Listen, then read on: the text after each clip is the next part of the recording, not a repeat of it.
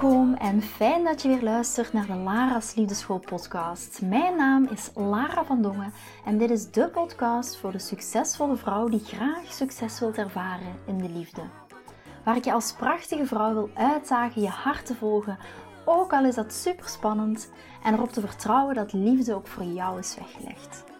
Wat laat je precies van jezelf zien zodat jouw droomman je ook echt kan zien voor wie je bent? Dat is waarmee ik je in deze podcast wil inspireren en introduceren in de prachtige wereld van de liefde.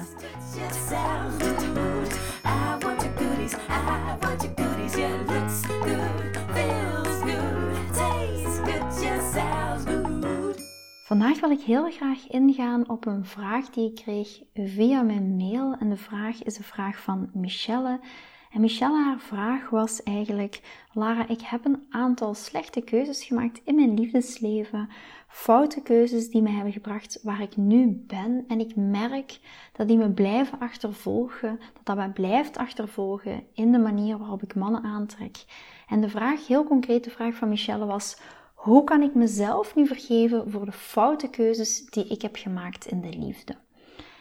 En dan zeg ik eigenlijk, Michelle, jouw vraag is eigenlijk: hoe kan ik vergevingsgezinder zijn naar mezelf toe en mezelf vergeven voor de keuzes die ik gemaakt heb in het verleden in mijn liefdesleven? En er ook vaak, want achterliggend achter die vraag, ik kijk altijd ook als therapeut achterliggend achter wat ligt precies achter deze vraag, waar komt deze vraag vandaan? En dat heeft er ook heel erg mee te maken, is erop te vertrouwen dat je niet meer gaat meemaken, dat je niet meer dezelfde keuzes gaat maken. Want vaak is hoe kunnen we vergevingsgezinder zijn, hoe kunnen we niet meer dezelfde fouten maken, is ook achterliggend heel vaak de vraag hoe kan ik erop vertrouwen dat ik het in de toekomst anders ga doen? Hoe kan ik erop gaan vertrouwen dat mijn liefdesleven in de toekomst er anders gaat uitzien dan dat het er nu uitziet of dat het in het verleden heeft uitgezien? En als je er naar luistert, herken je jezelf hierin. Herken je bij jezelf dat je zoiets hebt van wow, ik heb in het verleden niet altijd de juiste keuzes gemaakt, de foute keuzes gemaakt voor foute mannen, voor een foute toxische omgeving bijvoorbeeld, of gewoon voor de foute man. Whatever, herken je jezelf hierin. Ik moet zelf zeggen, als ik op deze vraag zou moeten antwoorden, ja zeker, ik heb ook zeker foute keuzes gemaakt. Maar ik zeg altijd, eigenlijk zijn er geen foute keuzes. Althans, als je bereid bent er iets van te leren. Of vooral als je er naar kan kijken van, wat kan ik er voor mezelf uithalen? Ik heb heel lang gedacht, waarom heeft mijn vader gedaan? Wat hij heeft gedaan? Waarom heeft mijn vader ervoor, ehm, ervoor gekozen om met het leven te stappen? Waarom moet ik dit meemaken? Dit is zo oneerlijk. Totdat ik ernaar ging kijken vanuit waarom overkomt mij dit eigenlijk? Vanuit de nieuwsgierigheid, vanuit wat kan ik hiervan leren? En nu is het mijn grootste cadeau, omdat ik vanuit die pijn gegroeid ben als mens, gegroeid ben als persoon, als vrouw. En het heeft mij gemaakt tot wie ik nu ben. En als ik er vanuit dat oogpunt naar kijk, kan ik ook liever voor mezelf zijn. Ik heb in mijn vorige relaties ook verkeerde keuzes gemaakt. Maar als ik dat niet had gedaan, dan had ik bepaalde dingen niet geleerd. Dan had het mij ook niet de relatie opgeleverd die ik nu heb. Het heeft mij bij wijze van spreken letterlijk tot stilstand gebracht, soms letterlijk gedwongen om naar mezelf te gaan kijken, om mijn eigen keuzepatroon te gaan bekijken. En ik zeg altijd: van daaruit komt groei. En voel je dat dit een veel zachtere manier is om er naar te kijken, in plaats van jezelf te straffen voor de keuzes die je hebt gemaakt. En je hoort me dit wel vaak zeggen, maar ik ga dat ook in deze context nog eens herhalen. Wanneer jij je perceptie verandert, verandert jouw werkelijkheid. En hoe kan je dat nu, want jullie weten als jullie al podcastafleveringen van mij geluisterd hebben, ik ben ook best heel, ik heb een hele praktische kant. Hoe kan je dat nu heel praktisch doen op een dag? Jezelf gaan vergeven. want dat is hier een onderdeel, van. Ten eerste is het jezelf de vraag stellen: wat kan ik hiervan leren? En ten tweede is: hoe kan je zachter ook voor jezelf zijn? Hoe kan je jezelf daar ook in gaan vergeven? En hoe kan je dat op dagdagelijkse basis gaan doen? Is via een Hawaiiaanse techniek, een Hawaiiaanse manier van verzoening en vergeving. En dat is de Ho'oponopono techniek. Ik herhaal het nog eens eventjes, Ho'oponopono techniek. Hoe dat eigenlijk deze magische zinnen je kunnen, je kunnen helpen bij het stukje vergeving. En ik zeg altijd, ook vergeven en vergeten kan je oefenen, kan je leren. Net zoals alle andere dingen, bijvoorbeeld lopen of schilderen. En als het niet meteen lukt, ga dan eerst doen alsof. Hoe raar dat dat ook klinkt. Het is bij wijze van spreken net zoals een beetje zoals een affirmatie. In eerste instantie klinkt een affirmatie als uh, bijvoorbeeld ik ben mooi en mijn lichaam is wel gevormd, ik zie er fantastisch uit. Voelt dat waarschijnlijk in eerste instantie volslagen absurd. Maar op een gegeven moment zeg je van yes, yes, het klopt, ik zie het. En interessant genoeg is het zo dat heel vaak andere mensen het dan ook gaan zien. En dan krijgen we ook een stukje die bevestiging. Voor een groot deel ervaren we wat we met gedachten en gevoelens naar de buitenwereld uitstralen. De wereld is een stuk onze spiegel, want ze weerspiegelt wat we diep in ons hart ook al voelen. En wat is nu de kern van die Ho'oponopono? Dat zijn eigenlijk vier wonderzinnen. En telkens wanneer dat iets jou stoort, wanneer iets jou op de zenuwen werkt, wanneer je het liefst zou omdraaien en weglopen, en vooral ook wanneer iemand bij je op die rode knop drukt, die we allemaal wel hebben, of dat je soms het moeilijk vindt om jezelf te vergeven, dan ga je in gedachten de volgende zinnen zeggen. En wat zijn die zinnen? Het spijt me, vergeef me alsjeblieft, ik hou van je, dank je wel. Die vier zinnen, ik ga het even herhalen. Het spijt me, vergeef me alsjeblieft, ik hou van je, dankjewel. En deze vier zinnen die werken als een soort van mantra, als een soort van meditatie. En dit is vooral het stukje energiewerk waarmee we, dat we ook aan de slag gaan in mijn Inner Circle Love Queen. Uiteraard gaat dat energiewerk nog veel, veel verder dan dit, maar dit kan al heel erg helpen voor dat stukje vergeving om dan de volgende stappen te kunnen zetten in jouw liefdesleven. En waar dat we ook dan energetisch gaan kijken, waar dat jij jezelf energetisch tegenhoudt om die mooie partner ook in jouw leven te krijgen. Want het is zeker niet alleen tools. Ik ben absoluut geen quick fix coach of geen quick fix therapeut. Ik kijk ook naar de onderliggende kern, die daar bij jezelf ook in zit. En wat houdt jou nu op dit moment energetisch tegen om die mooie partner in je leven aan te trekken? Om die mooie partner in je leven te krijgen?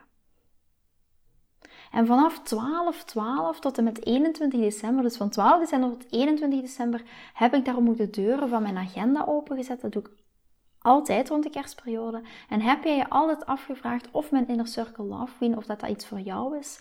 Of ik jou kan helpen om volgend jaar ook die mooie relatie te hebben? Of je wilt misschien heel graag weten, wat is dat nu om een love queen te zijn überhaupt?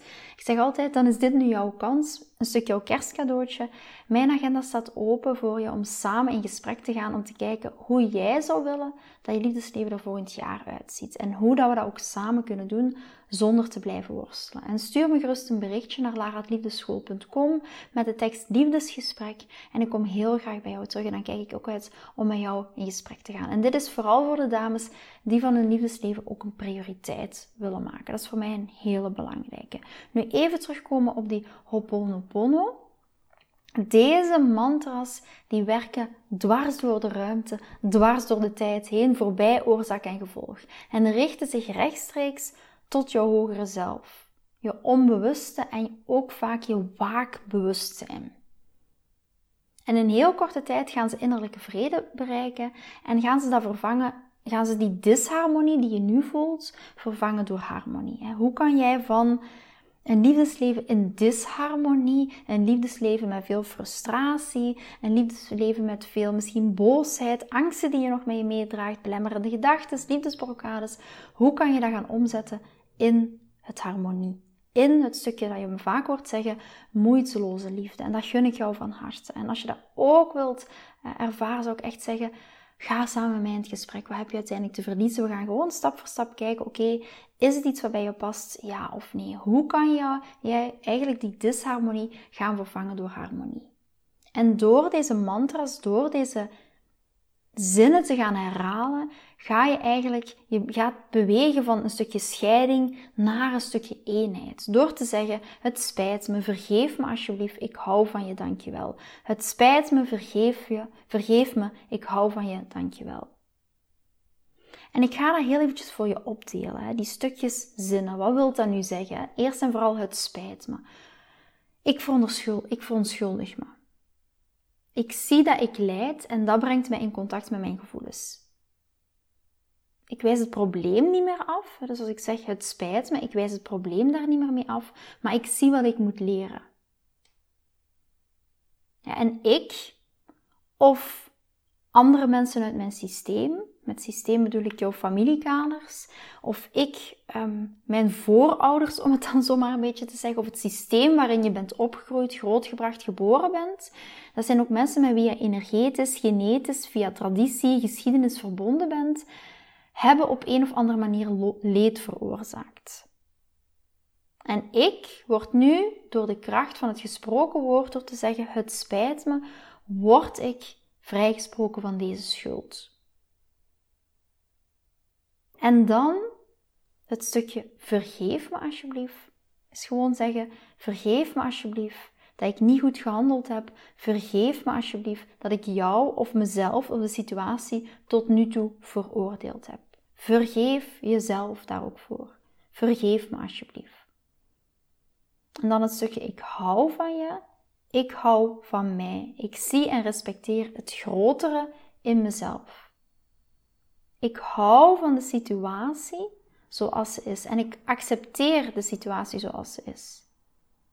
Ik hou van het probleem dat aan mij toe is gekomen om mij de ogen te openen. Zoals ik in het begin al zei, wat kan je hiervan leren? Dat zit ook hierin. In deze zin, ik hou van je.